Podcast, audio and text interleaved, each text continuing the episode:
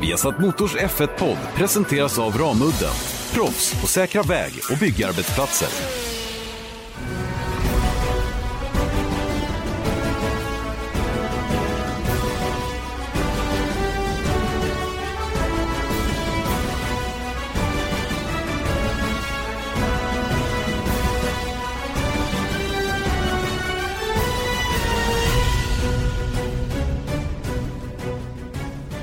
Hörni, mycket välkomna till Viasat Motors Formel 1-podd som sitter redo inför en ny racevecka. Raceveckorna står ju som spön i backen, det känner ni till. Den här gången är det ju Kanadas Grand Prix som vi naturligtvis ska prata mer om.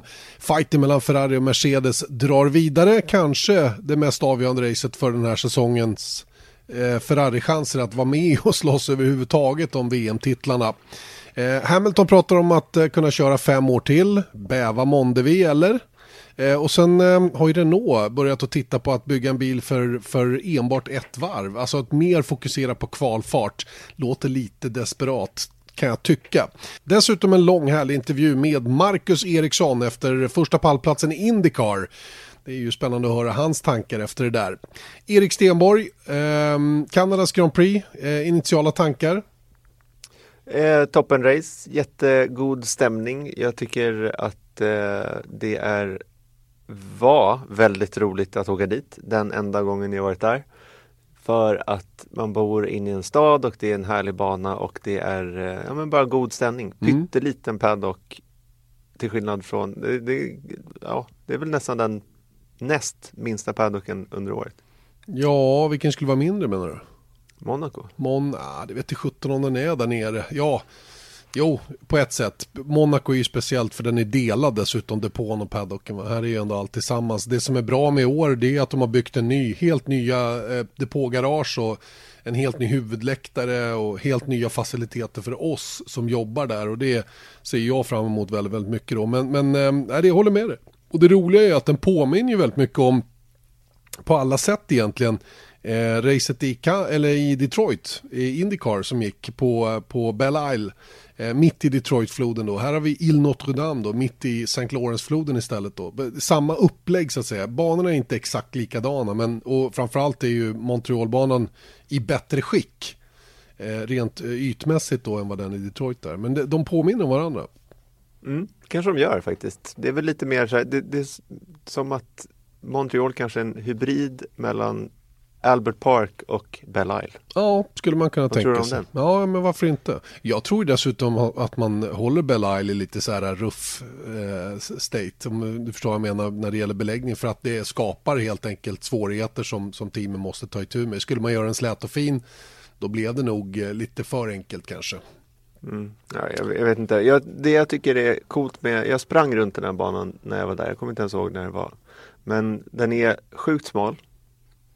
Alltså pytteliten verkligen. Mm, mm. Det, känns, det känns som man springer på en, en stadsbana och det är ju i praktiken det men det är ändå Den är ju snabb. Ja det är den.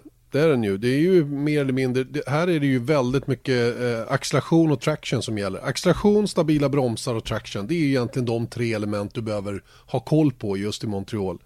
Eh, för det är ju bara raksträckor, hård inbromsning genom en chikan, acceleration, en, en lång eller kort raksträcka, ny hård inbromsning, chikan så riktningsförändringar är också givetvis viktigt att ha med sig då. Och eh, det är väl lite det som gör att vi kommer in på det här mellan Ferrari och Mercedes då. Eh, där eh, det här kanske, det, på mig, för mig känns det som att det här är Ferraris sista chans verkligen att, att, att stöka till det för, för Mercedes i år. Sen tror jag det blir svårt för de kommande racen eftersom Mercan ser så bra ut som den gör.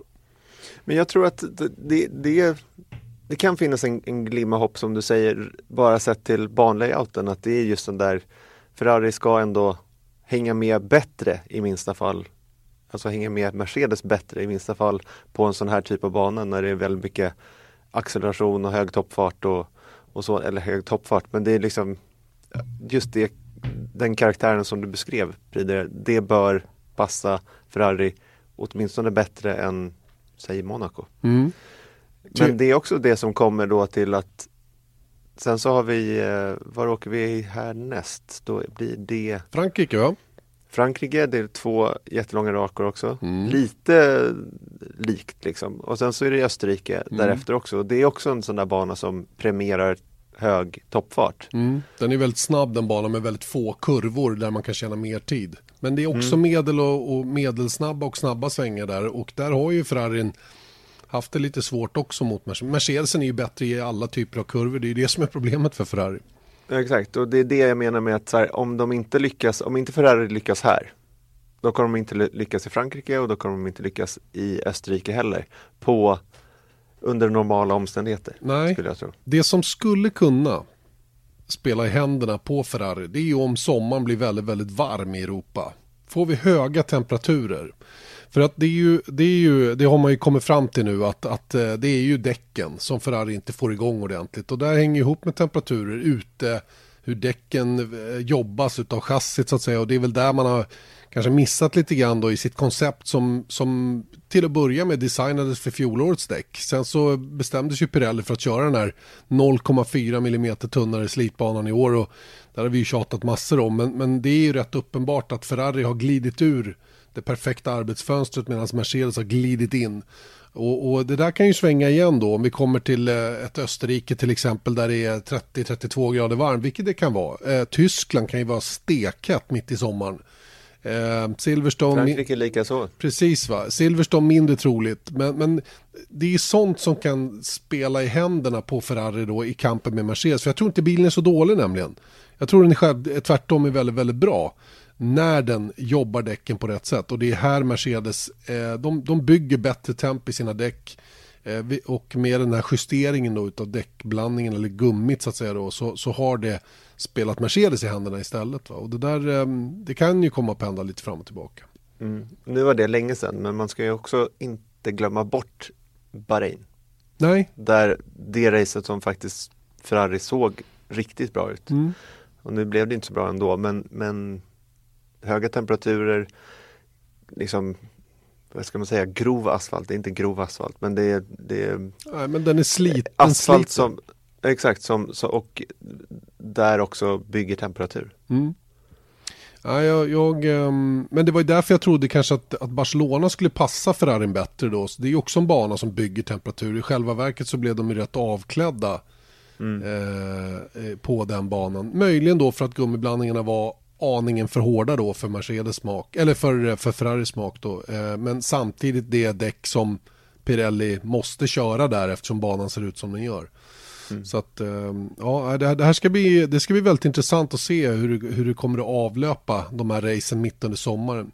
Ehm, sen är det ju inte bara ett viktigt race för Ferrari i kampen om VM-titlarna. Valtteri Bottas har just nu då ett läge där han Eh, Eh, är i extremt stort behov av att slå Hamilton igen för att inte tappa greppet. Tappar han sju poäng till eller åtta vad det kan bli så, så ehm, då, ehm, då börjar det se jobbigt ut för honom att faktiskt kunna ta fighten till slut med Lewis Hamilton om årets VM-titel, förartitel. Ja, och om jag sitter här inför helgen och har liksom någon form av önskelista, då är det just att Ferrari ska hänga med utmana Mercedes på riktigt. Gör de inte det, då vill jag i alla fall att Bottas ska hänga med och verkligen utmana Hamilton. Mm. Det är väl liksom tvåstegsraketen där som man sitter och, och hoppas på. Visst, eh, jag tycker nästan vi kan släppa, eh, vi kan nästan släppa toppfighten då rent uppsnacksmässigt. Det är roligare nästan att prata mittfältet då, för det, det är ju den vi kommer att hålla koll på. Eh, tror i alla fall på förhand. För där är det ju desto tajtare. Och där har ju McLaren kopplat lite grepp. Jag läste en kommentar från Zac Brown nu att han har börjat se glimtar av den storhet som McLaren-teamet har haft tidigare. Eh, mm. Naturligtvis är han en, en talker och, och, försöker bygga rätt stämning runt teamet. Va? Men, men vad, vad, vad, tycker du? De, de har ju kopplat lite grepp faktiskt i mittfältsfajten. Eh, och detta med, med en rookie i ena bilen då som, som har kört bra. Körde dessutom väldigt eh, lojalt i Monaco senast. Och så Carlos Sainz då som när han verkligen är på hugget så, så kan han vara riktigt, riktigt bra. Mm.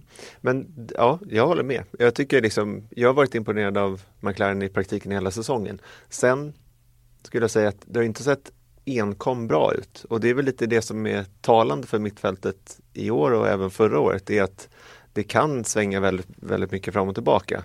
Att plötsligt är man med och sen så är man längst bak i det där samma mittfält. Så det är där jag tänker lite att när en sån som Zac Brown uttalar sig på, på, det sättet så kan man också tänka sig lite vad han har bakom sig. Så att han behöver ju han är, Om det är någon i desperat behov av att kunna säga en sån sak är det ju Zac Brown. Ja, verkligen. Eh. Sen så säger inte det att det är fel och jag menar det kan mycket väl vara så och jag tycker just med tanke på att i det här i det här mittfältet att de är så pass bra med. Det är ju enorma steg framåt, inte minst från förra året.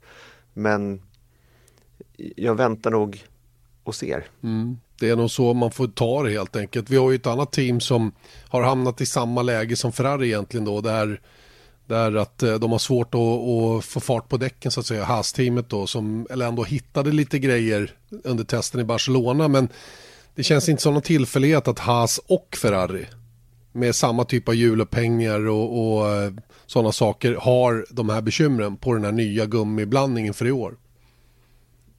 Nej men jag kan knappt tänka mig det. Och sen så har vi väl inte sett de har inte varit karbonkopior i, i sina respektive Inte designmässigt typ framving och sådana grejer va? Men det är Nej, det, men jag, det mekaniska.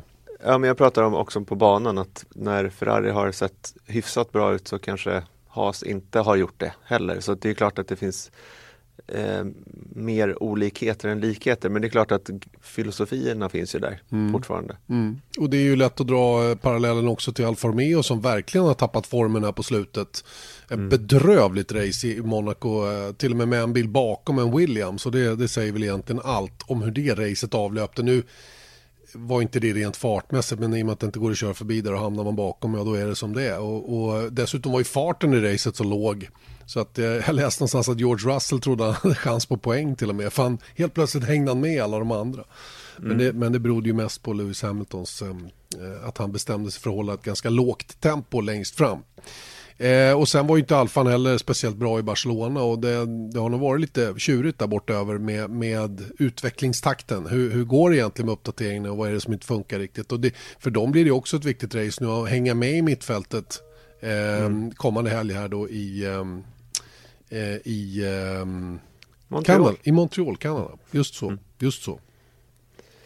Eh, det om detta då. Vad ska vi säga om Kanada i övrigt då? Eh, som vi sagt, banan är långsmal, start-stoppbana helt klart. Eh, ligger ute i floden, trevlig stad. Jag fick någon nå, nå messenger från någon som skulle dit. Frågade om det var bra drag där, om det var något speciellt man skulle gå på. Jag rekommenderade hela stan. Eh, åtminstone mm. hela, he, hela innerstan. det var ju Ja, men det, det, det, går inte att peka på någonting. Runt St. Catherine Street där och, och hela den grejen och, och, och um, det draget som är centralt i Montreal. Det är där man ska hålla sig om man vill ha lite, lite, lite action om man säger så. Då. Så det, det är ett coolt ställe att besöka. Men du, mm. har du några liksom race på näthinnan när du tänker på Kanadas Grand Prix? Ja, herregud. Jag har ju 2011 givetvis. Mm. Det fem timmars monstersändningen eh, som, som eh, den, den kommer jag aldrig att glömma. Jag kommer ihåg 2010 när Bridgestone kom dit med för mjuka däck. Eh, och som blev ramen för Pirellis tänder, alltså Pirellis eh, förfarande i Formel 1 och, och det som de blev tillsagda att försöka skapa. För det var ju det man tyckte var kul att Bridgestone gick bort sig någon gång och det helt plötsligt såg det helt annorlunda ut och det blev ovisst och det var spännande på alla sätt och vis. Eh, jag kommer ihåg det året också, nu måste jag tänka vilket det kan ha varit här. Eh, det måste ha varit 2007. Eh, Super Aguri eh, kör, mm. om, kör, om Fernando, ja, kör om Fernando Alonso där. Eh, I en McLaren, eh, minns jag också. Mm. Eh, in i, i världsmästarchikanen där. Och sen alla dessa smällar just i världsmästarchikanen har man ju följt med på. Jag minns eh, Mika Häkkinen åkte av med bromsar som tog tvärslut. Eh, Olivier Panis i en, i en Prost, eller om det var en Ligier Prost måste det ha varit, när han körde av och bröt benet. Um, och eh, naturligtvis Robert Kubica då, det måste ha varit 2007 det då, när han tumlade runt där nere innan hårnålen på väg tillbaka. Och då var vi där och sen så skulle han då köra i, i USA nästa race då på Indianapolis, men, men fick inte köra och det var ju då som Sebastian Vettel fick chansen att debutera i Formel 1 och dessutom tog poäng då i en BMW Sauber den gången. Mm. Så att jag har en del minnen från Kanada, det har jag. Allt. Och sen så var det ju det som jag tyckte var coolt med Kubica, hela den storyn. Vi gjorde ett reportage om det där för, för några år sedan. Men var just att han hade den där enorma smällen. Liksom, när man ser liksom hans fötter mm. hänger ut, ut från nosen. Ja, den, de, man ser dem ju mm. när de hänger ut från, från nosen. Och sen så kommer han tillbaks året därpå och vinner. Mm. Det blev ju verkligen en så här Askungesaga. Onekligen. En annan grej som, som jag dras till minne, jag kommer ju inte ihåg årtal, jag är inte något bra på det. Men kommer ni ihåg när man inte fick tanka under säkerhetsbil? Och det var rött Nej. ljus till dess att säkerhetsbilen ja, hade passerat ja, över startmål och det blev värsta köbildningen där och de körde in i varandra, toppgubbarna. Då satt man ju yla på kommentatorsplats och tyckte det här var ju, och vad är det som pågår liksom? Och den, den, den glömmer man inte så lätt heller. Det var... Eh, Men, undrar om inte det var 2007 också? Ja, kan ha varit. Kan absolut ha varit. Det, var, det var i alla fall Kimmy Hamilton och någon till som var inblandade i det där och det blev hemskt stökigt på väg ut ur depån när det alltså blev rött ljus. När man väl går in var det grönt men då kommer hela gänget med säkerhetsbilen och inte för sista bil har kommit till andra säkerhetsbilslinjen blir det grönt ljus ut ur depån. Så man ska inte kunna ansluta i klungan så att säga mitt i klungan bakom säkerhetsbilen då fick man vänta till alla hade passerat. Och det mm. var en, den föraren längst fram uppmärksammade det här sent om sidor men de bakom hade missat den grejen så att det sa pang där. Jag kommer inte ihåg vilket år det var. Nej. Men det var, jo det var 2008. 2008. För att det var Kimmy som stannade där och då kör eh, Hamilton rakt in i rumpan på honom. Just så, just så. Nej men det, varit, ja, men det där är lite för, jag tycker det där är Kanada. Just att det är, mm. det, det, är mycket som händer här och det, det är nästan alltid säkerhetsbil och Eh, åker du av här så det är några gräskanter. Vi har, eh, vi har eh, muren där, kurva 3-4, första chikanen egentligen. Utgången där är ju så himla tajt alltså. Det är någon eh, 20-lapp där ut till, ut i betongen och missar man bara det minsta lilla där. Vi har haft fåglar som har varit på banan, sådana här groundhogs. Vi hade någon funktionär som var ute och sprang och ramlade när han skulle axa iväg för det kom massor med bilar på banan. Och jag har massor med så här små minnesfragment ifrån allt som har hänt på just den här banan. Därför så ser jag verkligen mycket fram emot det här racet. Jag, jag, tycker alltid att det är kul att åka till Montreal. Jag rekommenderar många att åka till Montreal. Flygresan dit är lång va, men det är värt det. Jag, jag tycker det på något sätt va. Och det kan kosta en slant att hitta något hyggligt hotell också. Men, men Montreal är något speciellt alltså. Jag är, mm. jag är, det ligger mig varmt om hjärtat. Mm. Jag tror det var förra året eller för förra året i podden där jag rekommenderat så här, men flyg till New York. Mm. Och sen så åker ni upp eh, med tåg till Montreal. Det tar typ ett par timmar. Men det är typ det är över 100 mil. Alltså ja. Jag hade lite missbedömt där för att jag flög ja. från Montreal till New York sen och då, det, det gick ju fort. Vi, vi, Men... vi åkte bil en gång från Montreal eh, ner till, eh, ner till eh, ja, genom Vermont, ner till Boston kan vi säga. För vi mm. skulle mm. ta några dagar ledigt innan vi flög till USA. Eh, och det tog hela natten. Mm. Eh, så det är, men det är ju coolt ställe att åka med bil igenom där. Det var ju då Eje låste in bilnycklarna i bakluckan på bilen. Den storyn har ni väl hört? Ja. Ja, du har hört det i alla fall. Jag vet ja, inte om någon annan har hört. Vi lämnar den så länge. Men det var en liten rolig grej. Eje skulle ta av sig och byta till shorts. Efter att vi hade haft långbrallor på dagen. Det var ju varmt. Det var bara det att bilnycklarna låg i långbrallsfickan. Och han slängde den i skuffen, slog igen. Mm. Och bilen var låst. Så att eh, Perfekt. där stod vi som tre idioter.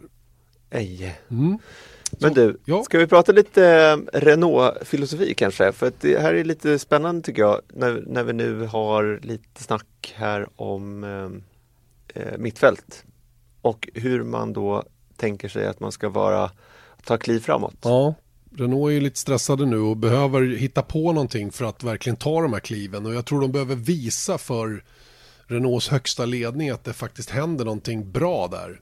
Eh, och det senaste uttalandet kom från Cyril Abiteboul att man till och med överväger eh, rent designfilosofin, eh, rent designfilosofiskt heter det det, det kan det inte heta. Men i alla fall tankarna kring hur man designar bilen ska vara mera för one lap pace, alltså för, för kval. Att man vet att man skapar en väldigt snabb bil över ett varv. Lite på samma sätt, kommer du ihåg det, när Mercedes kom in 2010. De var ju sjukt mm. snabba över ett varv men byggde alldeles för mycket temperatur i däcken.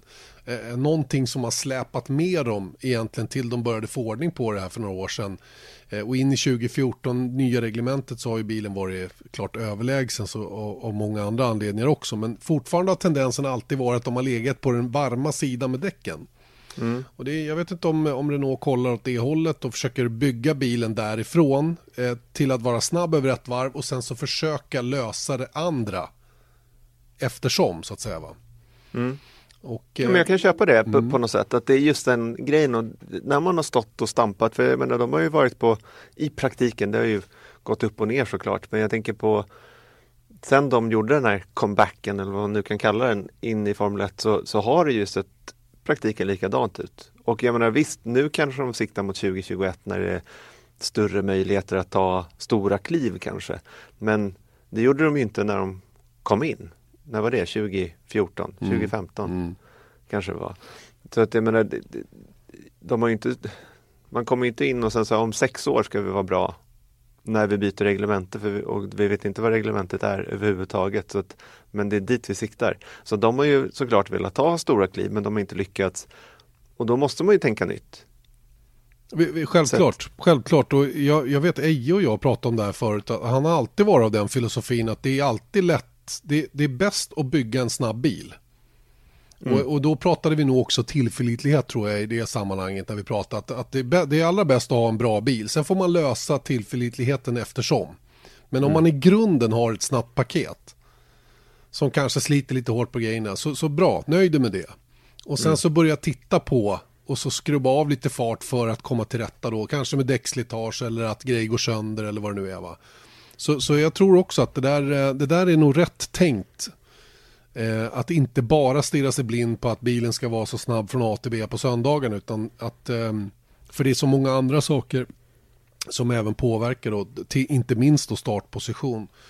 Eh, och eh, jag tror att om man börjar att få till en bil som kan utmana eh, och ha farten över ett varv så kan man säkert komma runt resten. För man lär sig väldigt mycket under resans gång. Mm. Å andra sidan, Å andra sidan mm. så har ju Renault inte riktigt haft supertillförlitlighet heller. Nej, inte så här långt i alla fall. Så att, eh, nej, men jag tror inte, just nu är de inte, har de inte möjlighet att göra utan det är kanske för nästa år eller år därpå. Mm. Eh, att när man väl tar itu med 2021 och det nya reglementet så kommer man att börja i den ändan. Mm. Att liksom, eh, vi, vi ser till att först och främst ha en bil som är blixtrande snabb. Sen kommer den att ha vissa skavanker eh, som man måste ta itu med. Men då, då är det bättre att jobba med dem än att behöva leta efter fart när man väl har en bil som är tillförlitlig. Det finns mm. ju två, här finns ju två vägar att gå verkligen. Några går ju för att ha en bil som funkar och sen så försöker man göra den snabbare. Eller tvärtom.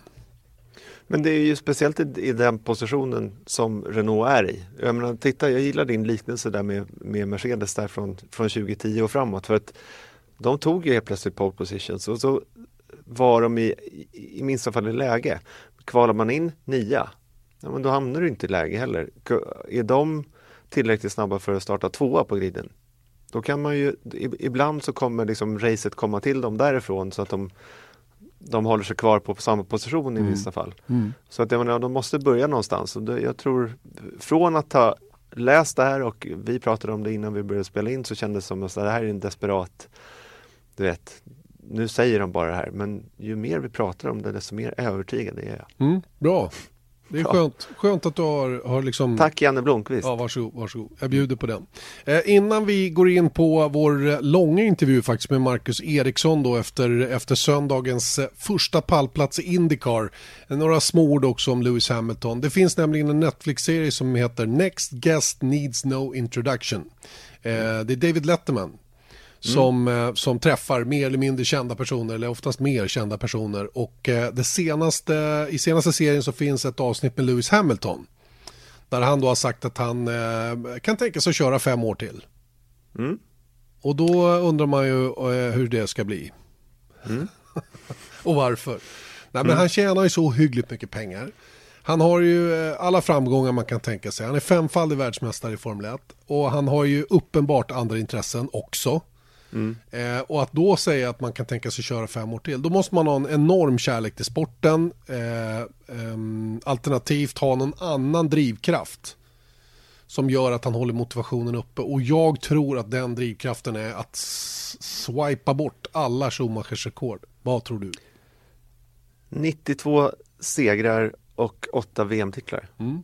Ska vi säga så? Ja, sen kanske han är klar. Pole-rekordet har ju flugit all världens väg redan. Så mm. det, det behöver han inte bekymra sig Nej, men jag, det är åtta VM-titlar, varför inte? Bli the greatest of all time. En riktig get. Mm. Goat. Ja. Nej men jag tror att eh, Samtidigt när, när det gäller Hamilton så tror jag att han kan säga lite saker. För att jag, jag minns så väl på presskonferensen när Nico Rosberg har anmält sig som eh, med sin hjälm upphängd på hyllan. eh, efter VM-titeln där 2016. Då tror jag att Hamilton själv var lite tagen av det. Så han säger, jag kan inte citera korrekt, men han säger liksom i, med en ganska, vad ska man säga, förvånat ansiktsuttryck att säga, ja, jag, man, vi, jag får se hur länge jag är, är kvar också. Du vet så. Va, kollar ni inte blev... på mig? Kollar inte på mig? Nej men han blev lite så här, så här, wow. Här var det någon som inte brydde sig så mycket och tyckte inte det här var världens grej utan han vann sin VM-titel och, och, gick. Och jag tror att jag tror att Hamilton på något sätt respekterade det eh, mer än vad man kanske kunde tro och då blev han så här, ja men jag kanske inte heller ska göra det. Mm. Samtidigt så tror jag att alla de här grejerna som man får göra med modekollektioner med Tommy Hilfiger och, och eh, kändisskapet och allt och pengarna inte minst. Mm. Det är ju tack vare Mercedes och han är ju otroligt eh, lössläppt av Mercedes. Han får göra sådana här grejer för att han fortsätter att leverera. Så varför ska han inte få det? Men jag tror att varför inte hänga kvar i det så länge man kan då? Mm. Vi ska inte glömma en sak till. Det är ingenting som säger att även om han kör fem år till att han spenderar alla de fem åren ihop med Mercedes heller.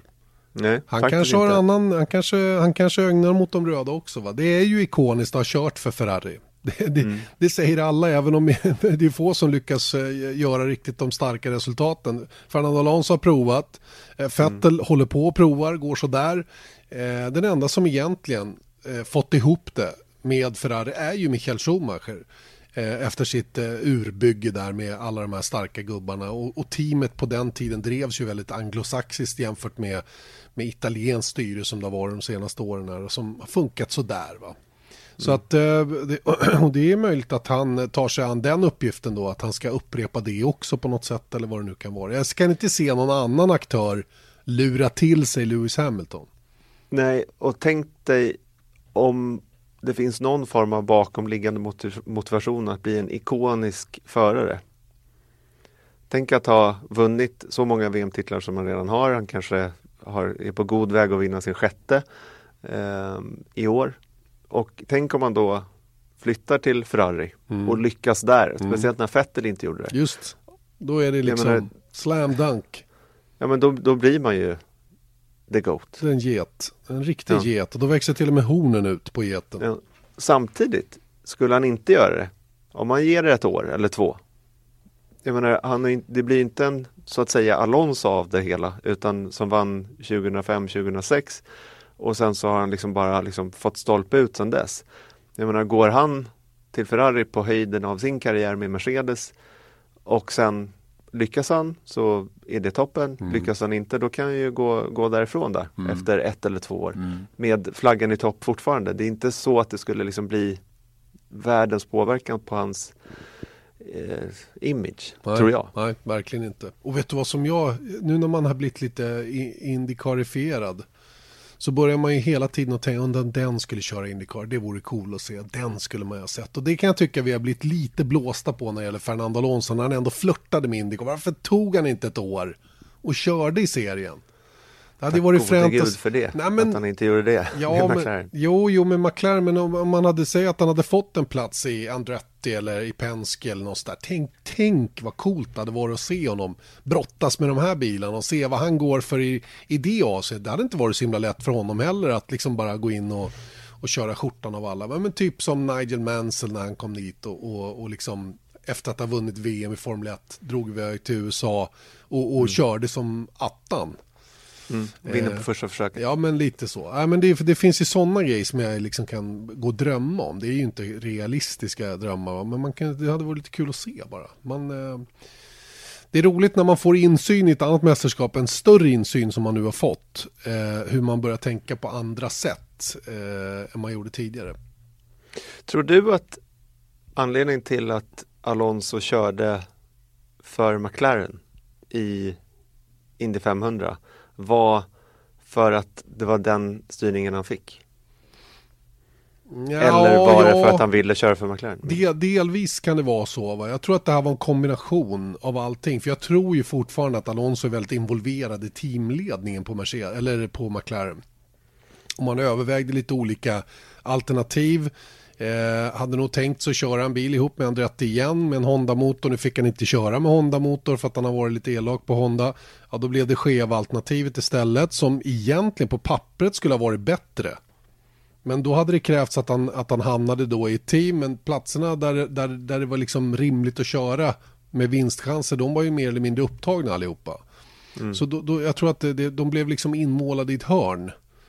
Eh, att, att ta hand om satsning på egen hand. Eh, det är min egen liksom, teori om det. Va? Så att, eh, jag, jag tror det här blev inte helt bra. Kort och gott. Och det har vi ju liksom sett svart på vitt också att det inte blev. Men jag tror att... Det blev ganska dåligt. Ja, men hela förberedelsen, allting. Det var, det var mycket som blev tokigt där. Men, men mm. han har ju flera chanser att göra det där. Och jag tror säkert han kommer tillbaka igen när det nu händer.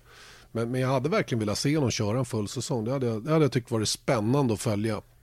Mm. Eh, Fernando Alonso. Eh, en, en hel säsong så att säga.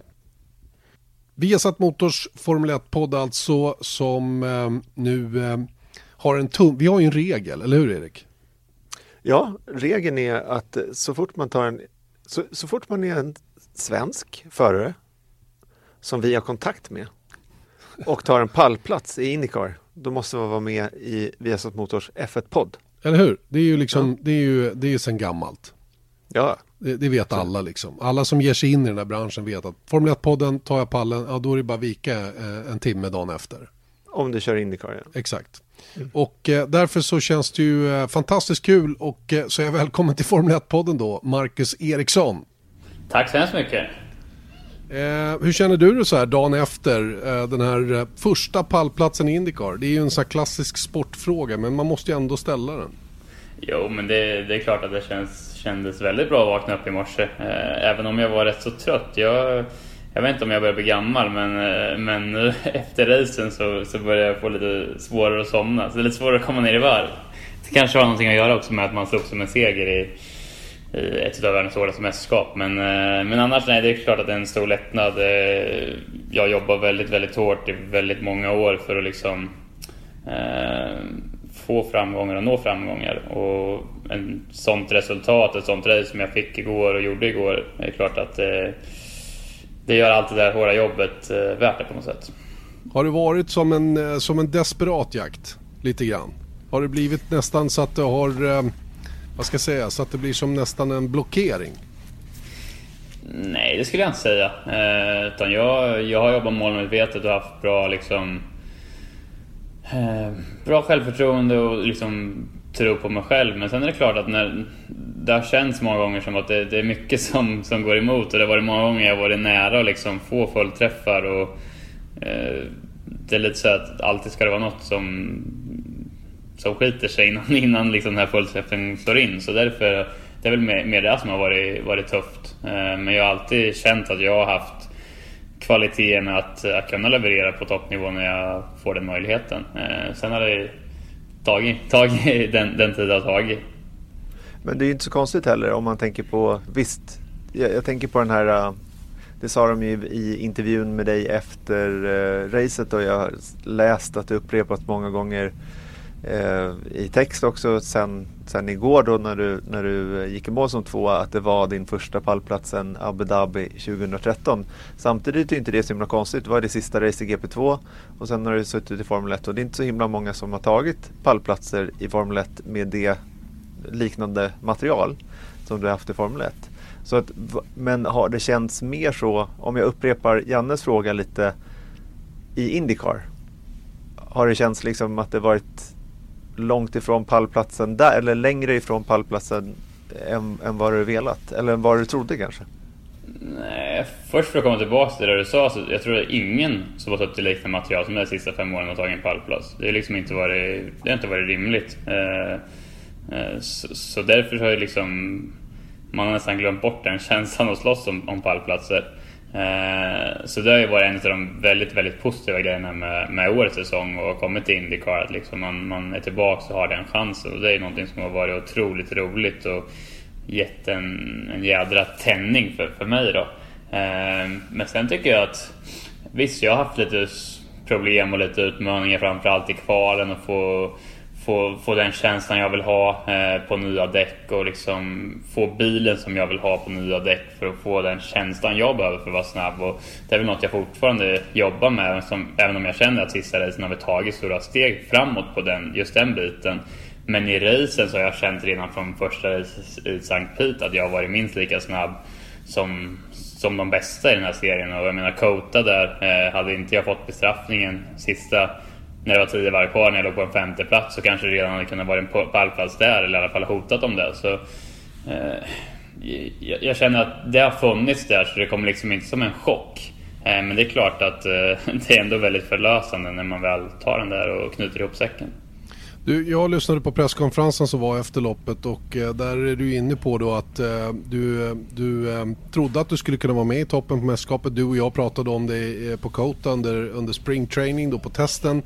Eh, sen så eh, har det tagit lite längre tid då och eh, du menar på att du har inte underskattat mästerskapen men trodde kanske att du skulle vara starkare initialt och, och att, det, att det visar sig vara en lite vad ska jag säga, brantare inlärningskurva än du hade räknat med. Det, det, det, det är så du ser på det. Absolut. Nej, men jag gick in med inställningen den här säsongen att jag skulle vara med i toppen från start. Det var min målsättning och, och, och det var det jag kände att jag skulle vara kapabel till. Sen som sagt, jag, jag känner inte att jag underskattat mästerskapet. Jag visste att eh, ett av världens hårdaste mästerskap, kanske det hårdaste under Formel 1. Eh, och det är en enig serie så det är otroligt eh, tufft och tight.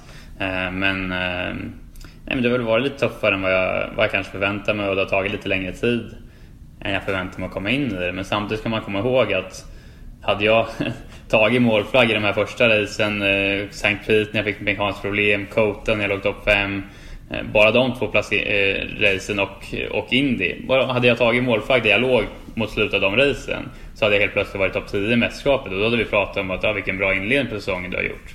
Så det, det, är små marginaler som gör hur man, hur man ser på det också. Så man kan vända det åt båda håll. Men oavsett vad så är det väldigt viktigt att göra resultat. Man kan alltid säga att eh, eh, om inte det och inte det har hänt så, så, skulle det ha hänt. Man kan alltid säga så men i slutändan så är det resultat som räknas och därför blir ju en sån andra plats som igår väldigt, väldigt viktig för, för mig. Kan inte du ta oss igenom racet igår då? Se om jag kan komma ihåg. Jag brukar ja, inte komma ihåg. Du kommer ihåg i alla fall. ja, men vi, vi kan ja. börja med, med starten. Du, du startar från 12, eh, alltså mm. sjätte startled då, och eh, utsida om jag förstod det hela rätt. Vilket inte mm. var att föredra då ner mot kurva 1 och 2 om jag, om jag tolkade kommentarerna innan. Nej precis, det är ju, det är rätt så snabb första kurva där men det blir ju en vänster till kurva 2 så jag hade lite fundering, funderingar på hur jag skulle ta mig an det men som det blev så vart jag kvar på yttern där och det var väl okej. Okay. Jag tror jag höll position i de första två kurvorna. Eh, sen ner mot, eh, mot kurva tre så är det ju alltid eh, lite korkskruv där, att det, det tajtar alltid ihop sig och även nu då att, eh, att det small precis runt mig kan man väl säga. Och eh, med en del tur och en del skicklighet så lyckades jag ta mig igenom det utan att jag fick en liten touch på, på bak, eh, höger bak men annars så slank jag igenom det så bra det kunde vara och tjänade ju, jag tror jag var på åttonde plats efter den incidenten. Då. Så, så det, var, det var tight men det är sådana där grejer man måste ha med sig om man ska göra resultat som jag gjorde igår. Mm. Eh, och sen eh, var det ju då planen från din sida, berättade du för mig, att, att eh, två, tre varv sen in, bli av med de röda däcken. Vilket med facit i hand då också var ett klokt beslut då eftersom de röda däcken, den mjukaste gummiblandningen var väldigt skör. Eh, nu blev det ju en gul flagg direkt här och det blev ganska naturligt för alla som startade på röda däck utom två undantag då, Spencer Piggott och Scott Dixon, att komma in på en gång. De valde banposition istället och chansade åt det hållet. Du tycker fortfarande att det var rätt beslut att komma in där? Absolut, Nej, men det var helt enligt planen och det tycker jag vi gjorde rätt. Det vi hade hoppats på var ju att om det hade varit grön flagg, att vi hade varit först in i depån och kunnat utnyttja mina starka utsvarv och, och liksom hoppa upp några platser på grund av det. Då. Nu vart det ju eh, Safety Car så att eh, majoriteten av fältet som du sa gick ju in i depå på grund av detta.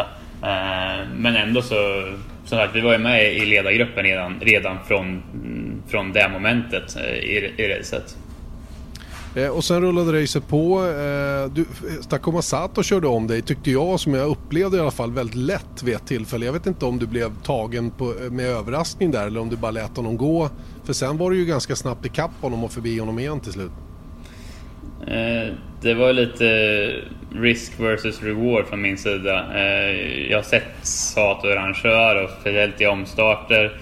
Och han försökte på någon bil, jag tror han attackerade från, ja, från ingenstans egentligen. Och jag såg på bakrakan hur han kom och sen bara såg jag hur han typ låste upp och kom på insidan. Så det var lite så här, antingen väljer jag att svänga in och så får vi se vad som händer eller så släpper jag han och tar han några varv senare. Så jag valde den vägen i den situationen och det tror jag betalat sig till slut.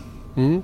Eh, och sen rullade racet på, eh, du hade plockat positioner och sen var det dags för depåstopp nummer två. Om jag kommer ihåg rätt nu så, så var du lite tveksam till när de tog in dig andra svängen i depån. Va, va, ska, ska jag in nu verkligen frågade du och, eh, och teamet sa ja men det här är bra, det här är bra, det här kommer se bra ut i slutändan. Vad, vad var det som gjorde att du tvekade där? Ja men vi låg, jag tror jag låg runt femma, sexa då och det var en Safety Car-period och teamet ville att jag skulle gå in. Och gick in och precis när jag skulle vika in det så märkte jag att det var bara jag som gick in ungefär. Ingen annan. Och då var det direkt såhär, shit vad, vad gör vi nu? Vi ligger i topp 5 och så går vi in i depån så kommer jag ut liksom 17 13 eller 14, ja men det var nog så här, det var en bra bit ner i alla fall utanför topp 10. Ja. Och då var jag väl lite tveksam till, har vi slängt bort all banposition då? Men grejen som var att vi, då behövde vi bara ett depåstopp till innan målflagg medan alla andra behövde ju två stopp till innan målflagg. Förutom Dixon som var på samma strategi som mig då vid det här laget och låg någon plats framför mig. Då, så, så det var ett, eh, ett väldigt bra beslut av teamet så här i efterhand. Men då, det är det som är lite svårt och det är därför det är så bra teamet som gör sådana beslut. Och att eh, från, från förarsitsen där så är det svårt att, att se vad som kommer hända framåt. Så sätt. Det där tycker jag är lite intressant det där hur mycket man eh, vågar lita på de, de beslut som tas in i depån. När de säger åt dig att pusha att nu behöver du åka och ta dig förbi och nu behöver du göra det och nu behöver du göra det. Och man, man kör lite grann i blindo. Det är som nästan att åka, åka rally med en kartläsare. Man måste lyssna på vad de säger, inte titta. Ja, eh, det blir det. lite samma sak. Så är det och man måste förlita sig på sitt team därför att eh, mitt jobb är att köra så bra som möjligt ute på banan och så får teamet eh, liksom leda det från depån också. Jag tycker det är lite, alltså, utifrån det vi har sett hittills i året, att SPM känns ganska starka strategiskt. Jag håller med. Jag håller verkligen med. Jag tycker de är riktigt vassa i depån och gör eh, oftast väldigt bra beslut. Eh, även med en viss risktagning, men de, det känns ändå som att de är skarpa och, eh, och det lönar sig. Eh, I en sån här tight serie så, så är sådana grejer otroligt viktiga och där känner jag verkligen att de har en eh, lite upper hand på många andra i den här serien. Jag tänkte på en annan... Ja, men det är precis så som jag, min magkänsla var också. Men det är det jag tänker också lite på att när man ofrånkomligen då jämför Formel 1 med Indycar och sånt där. Att det är ju vissa saker som händer i de här Indycar-loppen är ju helt otänkbart att man ska sen komma tillbaka. Så man ser liksom Will Power stå i typ en kvart som det kändes på still på banan och sen så kommer han upp på tredje plats. Så det är väl kanske där också att på något sätt så känns Indycar som ett... Man kan vara mer benägen att eh, ta lite riskfyllda strategiska beslut för det händer så mycket annat i alla fall. Oftast. Ja, men absolut det är så. Sen, sen är man ska komma ihåg att Indycar-racen är alltid mellan två till fyra stopp oftast. Så därför blir det att det kommer hända så himla mycket under racets gång. Det kommer bli alltid, det är nästan i stort sett varje race är det någon, eh, någon eller ett par safety som vänder strategier upp och ner. Och därför så gäller det för, för, de, för teamen och de som tar strategin att de är väldigt aktiva, flexibla, är väldigt säkra när de tar sina beslut också. De kan ju inte hålla på och vela utan det gäller att de är och, och där måste du kunna ta lite risker också för att kunna lyckas. Eh, och som sagt, även om du gör ett missbeslut på strategin så har du ändå chans att reparera det på något sätt senare i racet. Medan i F1 som det har varit de sista åren, så när det är oftast enstoppare så tar du ett felbeslut där och går in för tidigt eller för sent så då kan det vara rökt på det. Ja, men samtidigt så har du berättat för mig då att, att uh, ditt jobb bakom ratten blir ju att hela tiden vara aggressiv, att hela tiden försöka göra någonting åt positionen som du har då. Naturligtvis baserat på hur man lägger till med bränsle och hur den tänkta taktiken eh, ska bli framöver. Men man måste vara väldigt aktiv bakom ratten också, inte bara ligga och åka som jag upplever många gånger blir fallet då i till exempel Formel 1 om vi gör den jämförelsen igen. Ja, men det är väl det jag har lärt mig i Indycar att, att racen är väldigt komplexa. Det händer väldigt mycket. Det är väldigt många moment eh, och därför så, som förare så det räcker inte bara med att vara snabb. Utan du måste vara väldigt bra på många olika saker. Du måste vara aggressiv, du måste hela tiden tänka framåt i racet, du måste hela tiden försöka ta banposition. Du måste vara aggressiv på utvarven, på invarven, bra depåstopp, omstarter. Alla, det är så många moment i ett Indycar-race som du måste göra rätt och därför måste du hela tiden bara pusha dig själv framåt. Eh, det blir aldrig att man liksom lägger sig i någon rytm och ligger och sparar på grejer. Utan det, även om vi sparar bränsle ibland, även i Indycar, så blir det att du måste ligga på attack hela tiden tror jag på grund av att det är så mycket som sagt med depåstopp och olika strategier och säkerhetsbilar. Så det gör att du som förare, det, det blir väldigt mycket upp till föraren att man är liksom på tårna hela tiden och verkligen pushar sig själv framåt hela tiden.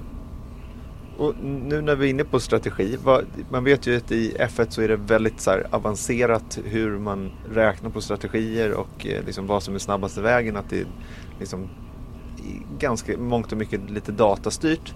Eh, vad finns det för liksom, instrument i, eh, i Indycar? Är det liksom eh, huvudräkning eller är det det är mycket, mycket mer old school. Eh, inte alls på samma liksom, utveckling som, som F1 är med datasimuleringar och sånt. Utan det är mer att de räknar innan lite och sen vet de ju few windows och sådana saker. Och, eh, räknar ut hur länge däcken ungefär kommer hålla och så vidare. Men sen blir det mer att de, de måste ha beslut baserat på känsla och, och sådana saker. Medan i Formel 1 så är det mer att man alltid går på datasiffrorna. Eh, och det har vi sett många gånger i Formel 1 att man kanske inte alls ska lita på datorn typ Monaco, mm. eh, kvalet Ferrari eh, ungefär.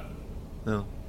Eh, och då, då undrar man ju också eh, när man kommer ut på banan efter typ på hur lätt är det att påverka sin banposition då? Är det, är det, kan, du, kan du bestämma dig för att nu behöver jag, eller om någon säger till dig så ja men nu, nu behöver vi förbi de här två bilarna. Eh, och, och det, det, är, det är avgörande för att det här ska funka så att säga då. Eh, det är ju helt klart lättare i alla fall i Indycar uppfattar jag det som än, än vad det är i Formel 1 att verkligen göra någonting åt saken. Jo men så är det verkligen. Alltså, det är det som är väldigt positivt med Indycar tycker jag. Att bilarna är svåra att köra men på grund av att det är rätt så lite downforce så kan du ligga nära bilarna framför och du kan också på grund av att bromszonen är rätt så relativt långa då om man jämför med till exempel Formel 1 så gör det att du kan dyka från ett längre avstånd för att det är en längre bromszon. Då. Så, så det gör ju att du, du har ju mer att spela på. Det bjuder in till bättre omkörningsmöjligheter och så vidare. Ehm, och det gör att ja, du kan, om du är snabbare än den framför så kan du liksom oftast försöka fighta dig förbi han. Eh, men, eh, men det är fortfarande inte lätt att, att köra om. Det är en enhetsklass och alla är ju väldigt jämna. Eh, så jag, som sagt, Sato tog ju mig där i början, eller ja, i mitten där på racet eller vad det var.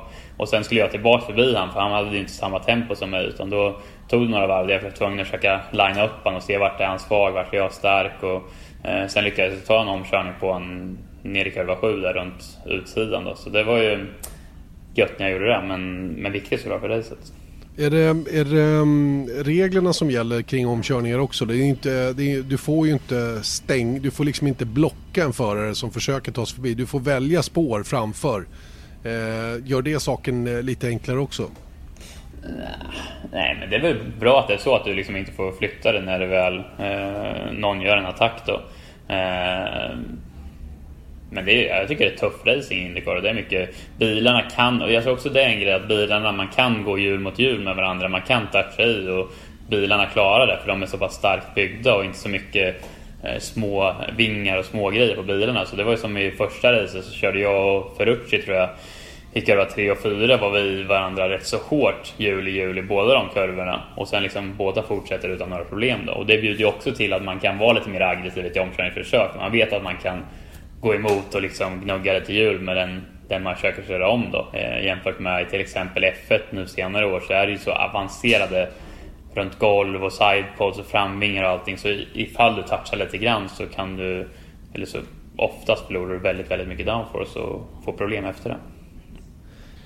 Om vi går tillbaks till racet då. Det som så det skedde. Nu är vi liksom på, nu är det ett depåstopp kvar. När, när kände du att det här kan liksom falla riktigt väl ut? Nej, men det var ju någonstans där i mitten när vi låg och jagade på Dixon och folk började droppa iväg in på sina, sitt andra depåstopp då och vi hade ju bara ett kvar då. Eh, så då låg vi tvåa eh, on the road kan man, kan man väl säga, även om det var lite bilar framför. Och sen när vi fick fri bana där så, så började ju faktiskt jag knapra in lite på, på Dixons lucka om jag kommer ihåg rätt. Mm. Eh, och sen gjorde ju han ett påstopp och vi försökte overcutta eh, han där på sista stoppet. Och var inte jättelångt från att klara det. Kommer ut precis bakom han. Eh, men hade, då, du kunnat gjort, hade du kunnat gjort ett varv till där? Nej, vi hade slut på stoppa. Jaha, det var det som var problemet. Okej. Okay. Ja, ja, för, för, jag hade gärna gjort ett varv till. För jag var snabb då. Men ja, för det, vi hade det hade förmodligen räckt. Det hade förmodligen exakt, räckt exakt, ja. exakt, exakt.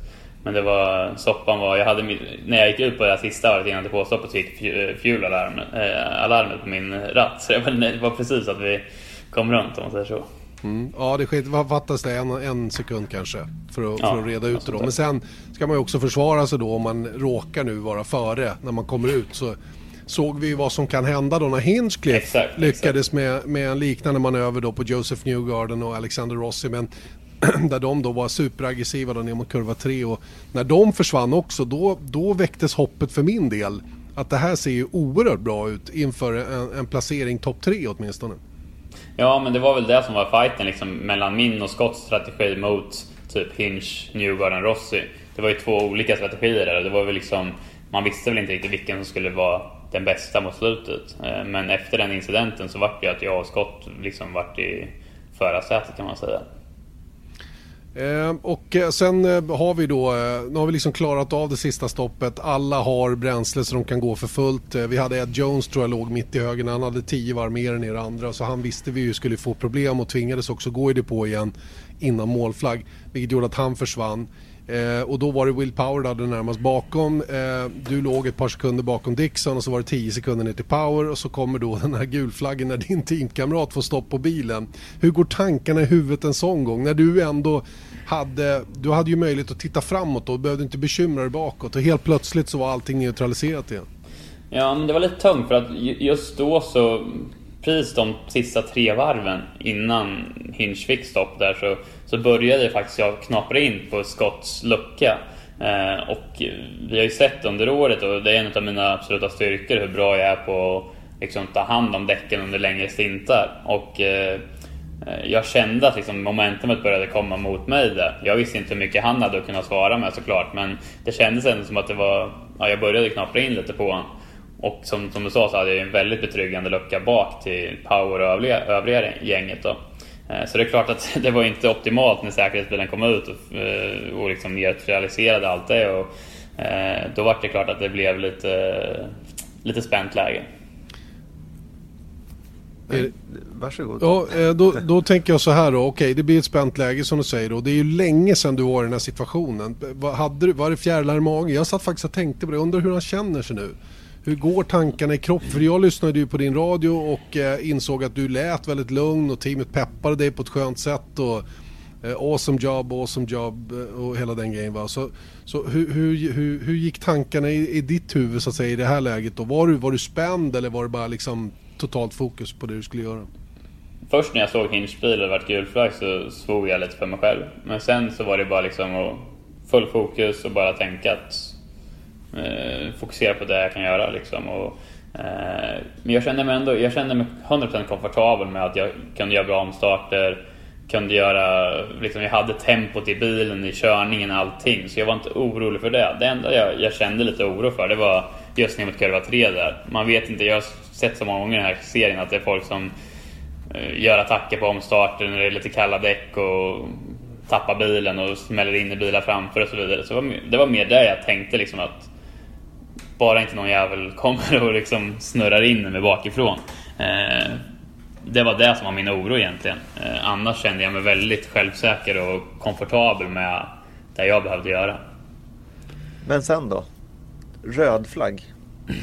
Ja, men det var ju det. När vi hade gjort den där första eh, omstarten efter Hinch där så öppnade jag igen en lucka till Power. Dick som var väl någonstans en och en halv, två sekunder framför mig och jag höll, även om han ryckte direkt i omstarten så höll jag samma tempo som han efter några varv och vi började öppna luckan bakåt och då kände jag så här, ja men nu, nu, är, det, nu är det bara att segla hem sista 8-10 varven. Sen med fem varv kvar när det blir igen då eh, säkerhetsbil och sen röd flagg. Och fem varv kvar, får sätta sig där i depån och vänta i, var det 5-10 minuter. det var ju inte eh, uh, görkul. Men hur, hur, känner du runt det? För det där var ju en så här typisk grej. Vi pratade om det förra veckan också med bara att liksom organisationen Indycar kan liksom de spicar upp det lite själva så som de tycker vore bäst. Och det var ju precis en sån grej här. Det var inte nöd... Alltså, I Formel 1 så hade man gått i mål under Safety Car eller under liksom, gul flagg eller Virtual Safety Car eller vad som helst. Men här väljer man då på eget bevåg liksom att, att stoppa racet. Hur, hur, hur ser du på den liksom, typen av eh, beslut? Just där och då tyckte jag inte att det var bra såklart. Eh, jag hade gärna gått i mål under Safety Car men, men ur ett större perspektiv så tycker jag att det är en jättebra grej. Jag menar för alla fans, för alla tittare. Alltså det blir dramatik, det blir fight ända in över mållinjen och det är, det är ändå det man vill se. Det är det, och det är också även för förarna så blir det fight hela vägen mot mållinjen istället för att åka bakom säkerhetsbil sista fem varven. Så mm. Jag, tycker det, jag tycker det är positivt. Jag tycker det var en bra sak. Eh, även som sagt var lite jobbigt just igår. Mm. Ja, exakt. Beror på vilken, eh, liksom varifrån man tittar antar jag. Ja, och var man, var man står i ledet när det där ja, inträffar exakt. såklart. Och, och, och eh, återigen då, risk and reward. Vad, vad, är man beredd att riska för det då? Eh, Okej, okay, sista omstarten då. Hur mycket tittar du bakåt snarare än framåt? Var det 70-30 bakåt snarare än framåt? Eller var, ja, ja jo, men det var väl någonting sånt. Alltså jag, jag märkte på första omstarten där att, att Scott var väldigt eh, snabb iväg och hade bra tempo på omstarterna. Och det är klart att när man är på andra plats och är så pass nära seger så är man såklart väldigt sugen på en seger. Men, men mitt största fokus var att behålla position. Eh, just på grund av att så som säsongen har sett ut och eh, för mig så känns det viktigare att fokusera på det. Men samtidigt så var jag såklart redo att hugga ifall Scott skulle göra någon liten miss eller, eh, och så vidare. Eh, men, men så gick väl mina tankar inför den där sista omstarten i alla fall. Det var inga duvungar vare sig framför eller bakom heller. Så det gäller liksom att hålla huvudet kallt gissar jag. Jo men så var det Det var ju ja, som sagt Dixon framför, Power, Hunter Ray och Rossi och Sato bakom. Så det var ju bara... Hundra säsonger ihop eller något. Ja men typ. Och bara Indy 500 och Indycar-mästare eh, hela bunten. Så Eh, det var ju verkligen att hålla tungan rätt i mun. Och på omstarten så var jag verkligen supernoga med allt jag fokuserade på var bara att sätta kurva 2. Det var allt mitt fokus. Och bra iväg när Scott drog och sen bara ge upp lite fart i kurva 1 för att kunna vara så snabb och så nära full som möjligt genom kurva 2. För det var det som var nyckeln. Kom jag igenom kurva 3 så visste jag att jag var clear. Då hade jag mm. farten för att rycka ifrån och utan problem då. Så hela nyckeln i varje omstart var den där kurva 2 över krönet som en lurig kurva. Framförallt när däcken är lite halvkalla som de blir bakom Safety Car. Eh, en fråga till då som är av mer teknisk natur. Jag, det var någon som påpekade för mig att, att, ni har inte rätt att använda push to pass första varvet efter omstart, stämmer det? Det stämmer och eh, eh, jag var lite förvånad. Jag kollade lite från NBCs sändning också och deras, deras experter verkade inte ha någon information om det. För de, de satt och skrek om ah, push to pass, push to pass. Men det är ju på omstarterna tills du har tagit ett varv så får du inte använda push to pass den är inaktiverad tills du tar, har kört ett varv. Det är ju faktiskt liknande i Formel 1. Det ska ju gå tre varv mm. efter en säkerhetsbil som start innan DRS får användas. Efter ja. virtuell säkerhetsbil däremot då är det okej att använda DRS på en gång. Yeah. Och du var rätt så generös med tryckandet eh, eh, och eh, låg ju ett tag lite risigt till faktiskt när det gäller antal sekunder kvar. Då. Nu planar det där ut allt eftersom racet gick och i och med att killarna bakom fick fighta så mycket med dem de hade runt omkring sig så, så, så knaprade de sig kapp och, och sedermera förbi och hade färre sekunder än dig. Eh, också en viktig naturligtvis sak rent taktiskt att ha med sig då inför en sån här spännande avslutning. Verkligen, och det var väl det. Jag tycker jag hade bra koll på det, men sen då när Sato tog sig förbi mig där i någonstans i mitten på racet så fick jag använda rätt så mycket push to pass för att ta tillbaka den positionen. Eh, så det var där jag brände mestadels av mitt då. Men sen efter jag hade kommit förbi den så hade jag så gott mycket tempo att jag inte behövde bränna mycket mer förrän mot slutet av racet. Eh, hur använder du push to pass? Eh, mycket runt i påstoppen för att tjäna tid in och utvarv. Och sen, sen brukar jag försöka läsa av eh, när man ligger bakom någon och måste försöka köra en omkörning och försöka använda det på ställen där de kanske inte räknar med det. Så pusha så man kommer nära till en, ja, liksom linar upp någon. Eh, det är lätt att använda för de långa rakerna men det kan vara bra att använda det i, på mindre ställen också för att komma nära till en utgång på en lång raka till exempel. Hur, hur, är, hur, hur, känns push to pass när du trycker? Nej, men det är lite extra boost. Eh, man, man känner det liksom i, i ryggen? Absolut, absolut. Det är lite som din Audi Erik, när du trampar på när du går på sportläge på växellådan. Sportlä exakt, sportläge. Men det är så dyrt att tanka den så jag gör nästan aldrig det. Det är ju rätt intressant också för att använda mycket push to pass, det drar mycket bränsle så man måste väl tänka på den biten också. Eh, jag vet inte vem det var i racet nu som de pratade om som hade som låg lite risigt till med, med bränsle. Jag tror att det var någon av dem som var inne tidigt som de inte... Jo, det var Zach Veach tror jag som hade stannat lite för långt ifrån depåmuren så de nådde inte fram med slangen och kunde fylla ah, på bilen fullt upp.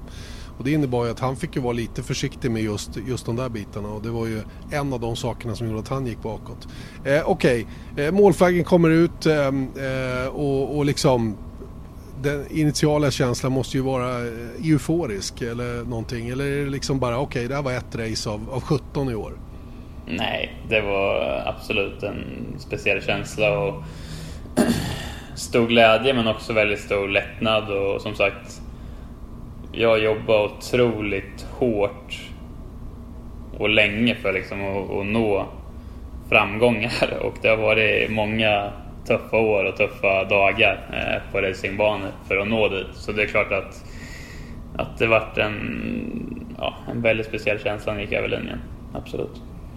Um, jag, jag skrev Känslomässigt egen... liksom. Ja, jag förstår. Jag skrev i min egen blogg att du kan, visst, man påverkas av vad andra skriver men, men egentligen är det rätt oviktigt vad andra tycker. Det var viktigare för dig att få bevisa för dig själv att du faktiskt har kapaciteten inte bara i teorin, för det tror jag du alltid har trott, men att det även i praktiken är så att du har kapaciteten att vara med och slåss längst fram. Absolut, så är det verkligen. Och, eh, även sätta sig respekt mot de här eh, värstingarna i serien och visa att jag kan fightas mot de bästa och leverera mot de bästa. Och det var jätte, jätteviktigt för mig och min status i Indycar här som, som nykomling. Så det stärker både mig, mitt självförtroende och mitt anseende.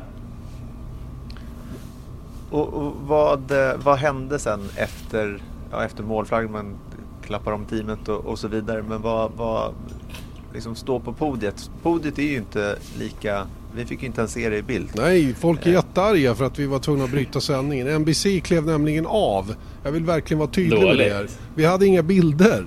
Jag Nej, fick höra en minut kvar av NBC-sändning, ni måste gå av liksom. Då var det ju inte så mycket för mig, för mig att göra. Ni, ni får skicka stänga. egen fotograf helt enkelt till alla ja. Indycar Race. Det, det är enda, exakt, fotomangen får åka på alla Indycar Race.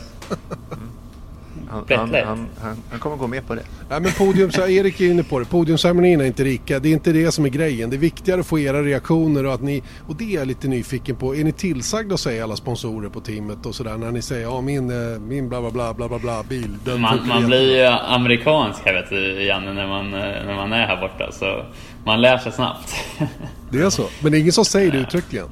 Nej, men det är väl mer att uh, här borta så är det väldigt viktigt och ja, hålla fram sponsorerna och de uppskattar det väldigt mycket och varje gång du lyckas nämna dina sponsorer så blir det de lägger märke till det och det är väldigt, väldigt viktigt för dem. Så de har ju önskemål om det. Sen är det absolut inga krav eller så, men eh, om jag kan klämma in det någon gång i någon intervju så gör jag gärna det för att hålla dem på god fot.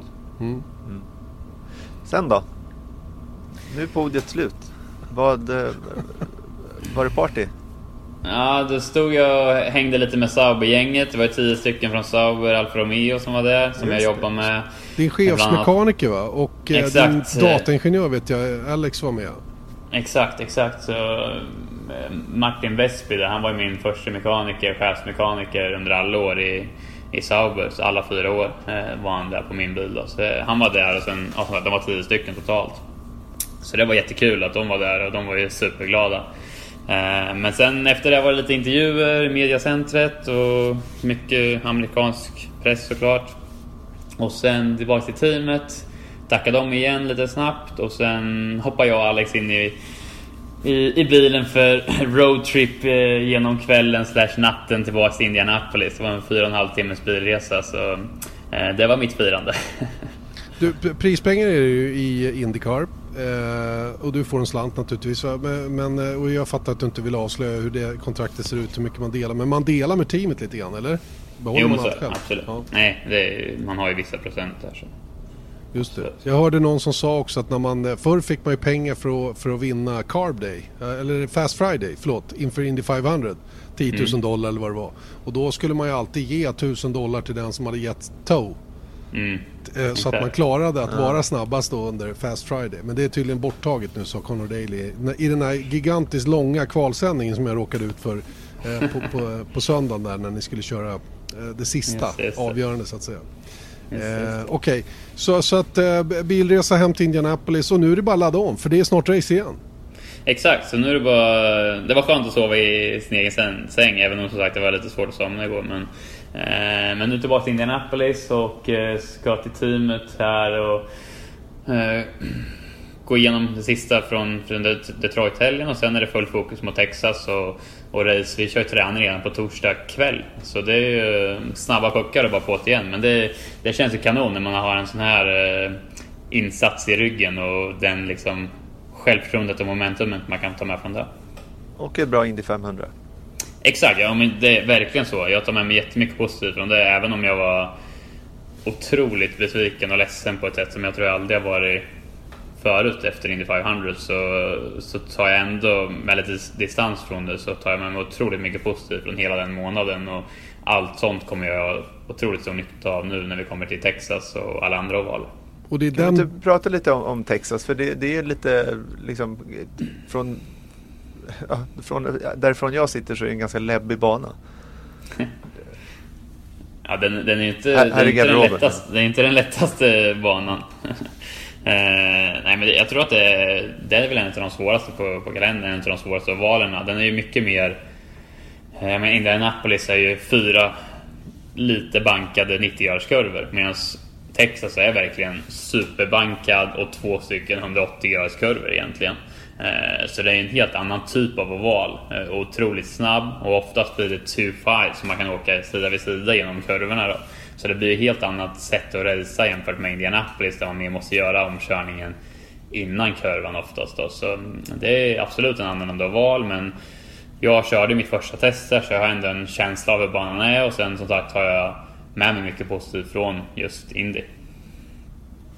Och eh, det är samma bil som du körde in i 500 då. Det är ovalbilen som man använder när man även kommer till Texas.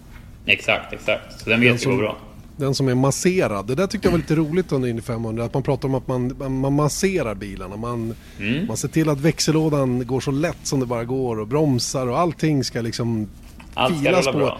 Och det är därför det är så svårt när man kraschar och måste gå till backup car då, som förmodligen är roadcourse-bilen då som inte är lika masserad. Är, är exakt, det verkligen så stor exakt. skillnad? Nej, jag vet inte men de, de, det finns en anledning till att de lägger sex månader med preparationer på och just försöka få varje liten millimeter, varje liten grej eh, lite, lite bättre på dem. Så någon skillnad måste det vara, absolut. Mm. Jag, jag, tror faktiskt att, nu vet inte jag om siffrorna stämmer exakt rätt, men det var just eh, Anders Kron som sa det att okej, okay, men det är skillnaden är inte så mycket, men han pratade om att någon hade gjort ett så direkt jämförelsetest för typ två år sedan och då hade det skilt 1,2 miles per hour mm. med samma setup, liksom allting var, men det var backup-bilen. Men 1,2 miles per hour, alltså det är det är ju det man 10 platser på griden. Om. Ja men det är helt det är sjukt. Så det, det är så det mm. Så att eh, det, det, är inte mycket mm. liksom på pappret men det, men det gör ju stor skillnad såklart. Verkligen, verkligen. Alright, inte så himla mycket mer att tillägga. Fantastiskt kul. Stort grattis givetvis till andra platsen då i, i söndags. Eh, vi har inte berört första racet där du blev 13 i blötan. Vi kan bara ta det lite kort. Eh, viktigt för dig att få ett resultat i den tävlingen naturligtvis och få lite lugn och ro då inför race 2. Eh, förmodligen visste ni väl att det skulle vara bättre väder också på söndag gissar jag.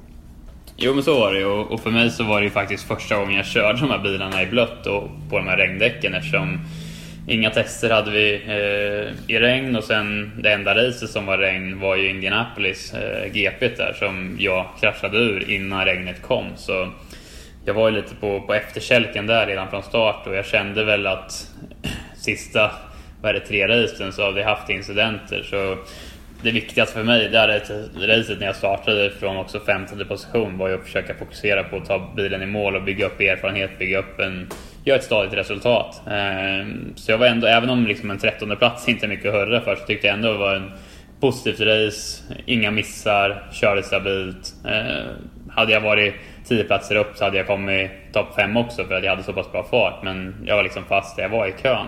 Men var ändå nöjd med den insatsen och det gjorde att jag kunde bygga vidare på det till söndagen. Så jag tror att det absolut hjälpte till att liksom få mig att prestera bra på söndag. Börjar det nu lossna lite kvalmässigt? Jag tyckte jag upplevde det, att det, det såg bättre ut. Eh, framförallt i söndagens kval då, där du faktiskt laddade på och såg riktigt vass ut. Fram till den där lilla, lilla snöpliga missen då i kurva 11. Ja men absolut. Jag tycker jag hittar grejer där med, med just däcken och vi har fortfarande lite svårt att få de här röda däcken att, att funka så som vi vill. Många av de här snabbaste, de hittar så himla mycket mellan svarta och röda medan vi oftast har lite större problem att få det där stora hoppet emellan de två gummiblandningarna. Men jag tycker vi har tagit steg framåt. Indy GP var ju ett stort steg framåt när vi var topp 10 på kvalet där. Och eh, ja, nu i söndags så, så hade jag slutfört mitt varv där utan missen i kurva 11 så hade jag varit två eller trea i min grupp. Så det vill säga, eh, vad blir det, fyra eller sexa på griden. Mm. Så det hade varit en, ett väldigt bra eh, resultat. Då. Så det känns som att vi är på väg åt rätt håll där.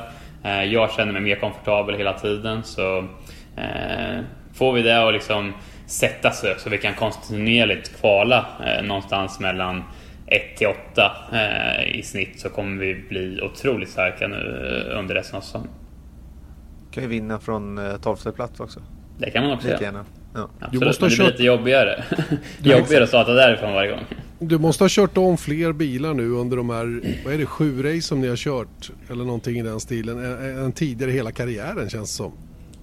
Ja, det är inte omöjligt. Men nej, det, det, det är det som är häftigt med Indycar. Det är väldigt, väldigt roligt racing. Det händer mycket. Det är mycket omkörningar. Mycket... Man måste vara defensiv också. Mycket fighter. Så det är häftig racing. Mm. Eh, Okej, okay. lycka till kommande helg då. Eh, det blir nattrace för oss, eh, eller för er Erik, hemma i Sverige. Jag kommer ju ha perfekt primetime i Montreal. Jag kommer att njuta i fulla drag. Säkert eh, med någon god middag och sådär tillsammans med Björn Wirdheim och, och, det kommer bli toppen. Och eh, givetvis då med bra svenska resultat både från Marcus och Felix eh, förhoppningen då. Precis, 02.30. Men det är så tur för att jag, jag, jag är så dålig på jetlag åt det här hållet så att jag, jag kommer, det är primetime för mig också. Perfekt. Ja. Bra Marcus, lycka till! Kanon, tack tack! Ja, det blir tidig uppstigning då om man ska kolla Indycar i helgen 02.30 alltså. Och, eh, kolla våra sociala medier också för tiderna för Formel 1 den här helgen. De är ju inte heller helt vanliga. Eh, vad ska vi göra inför Kanadas Grand Prix, Erik? Du har ju eh, planeringslistan framför dig. Ja, det har jag. Eller det har jag inte, men jag har den i huvudet. Det är bra. Eh, och vi kommer, eh, om det inte redan är ute så kommer det alldeles snart. Vi kommer eh, fiska efter lite tittarfrågor till Daniel Kviat. Oho. Ska ni få göra. Eh, så honom träffar vi på torsdag och eh, då vill vi att eh, tittarna ska ställa frågor. Det kommer komma ut på Facebook. Jag tror också på Viasat Motors Instagram. Eh, och nu när jag sa Instagram så har ju F1-podden också Instagram. Just det. Har vi nått tusen följare än? Nej, det är sjukt det dåligt. Det är sjukt dåligt. Nu vill jag ha 1500 följare innan veckan är slut. Mm, exakt. Tack. Tack. Fotnot. Och sen så eh, har vi ju Björn Wirdheim ska göra sitt Björnes banmagasin. Ser man på. Fortfarande ganska nöjd med det där namnet men så är det bara. Och, eh, men vi, det som är liksom lite huvudsaken där och det var någonting som vi pratade om i podden ju precis att just eh, Valtteri Bottas, han har pressen på och så vi kommer ha lite temahelg med Finland. Så att vi kommer ha en finsk journalist med i studion inför kvalet som heter Tommy Tumminen Mm. Eh, och han ska prata lite om Bottas, lite insights direkt från Finland. Aha. Och sen så har vi ju eh, en kille som heter James Allison. Just det. Som du ska få träffa på, på torsdag också. Mm, det ser jag fram emot faktiskt. Jag har pratat om honom tidigare, både när han jobbade för Renault eller om det var Lotus och, och um, sen han kom till Mercedes. Mycket bra person, mycket verbal person. Mm, verkligen, han, han pratar på bra och eh, ja, vad, vad, vad skulle du vilja hänga på honom. Jag vill veta varför de är så förbannat bra. exakt. Jag vill ha det, the ultimate explanation. Vad är det som gör att de kör skjortan av alla år efter år och framförallt just nu? Mm. Och hur han ser på det mm. kanske. Mm. Hur påverkar det? Är, det? är, är det en bad thing för sporten? Många, mm. många antyder det. Många fans antyder det i alla fall. Mm, exakt, så, att, ja, men, så det blir ett ganska fullmatat program tror jag faktiskt. Så det, det ser jag fram emot och det är ju prime time i Sverige. Just det, 20.00. 2010 börjar racet eh, och vi börjar följaktligen då 19.15 med mm. söndagsuppsnacket då. Och eh, kvalet börjar klockan 8 eh, svensk tid och vi börjar snacka upp det då 19.30. Detta är lördag söndagstider. Men gå in på våra sociala medier, där finns tablåer och alltihopa. Så missar ni ingenting av detta. Eh, nu får du eh, fem sekunder och säga något begåvat innan vi slutar. Ja, men, eh, skicka frågor till Danny, eh, Danny Kviat. Jag tycker att eh, liksom, tänk att eh, ni får chansen här att ställa egna frågor. Jag tänker liksom på en som jag hoppas att någon skickar in, annars Gör kanske du det? jag skickar in den själv. Under alias. Men det, är ju, det är just den här grejen att hans turbulenta karriär att liksom finna sig åter i Formel 1 och nu levererar han ju faktiskt tycker jag och eh, bara känslan runt det. Det måste man ju formulera en fråga så det skulle jag gärna vilja ha mm. från mm. en tittare. Det är ju faktiskt en rolig parallell med vår, vår, vår svenska före detta Formel 1-förare om liksom hur man ser på eventuella comebacker och vad det betyder. Mm, mm. Precis. Mm. Alright, det var mer än fem sekunder men jag tycker det var, det var fullgott. Så att eh, vi säger med, därmed tack och påtrörande Formel 1-podden tillbaka om en vecka igen. Missa nu inte all racing till helgen, både Indycar och Formel 1 alltså. Det är smörgåsbord en helg till. Magiskt. Ha det gott då Erik. Detsamma. Viasat Motors F1-podd presenteras av Ramudden. Proffs på säkra väg och byggarbetsplatser.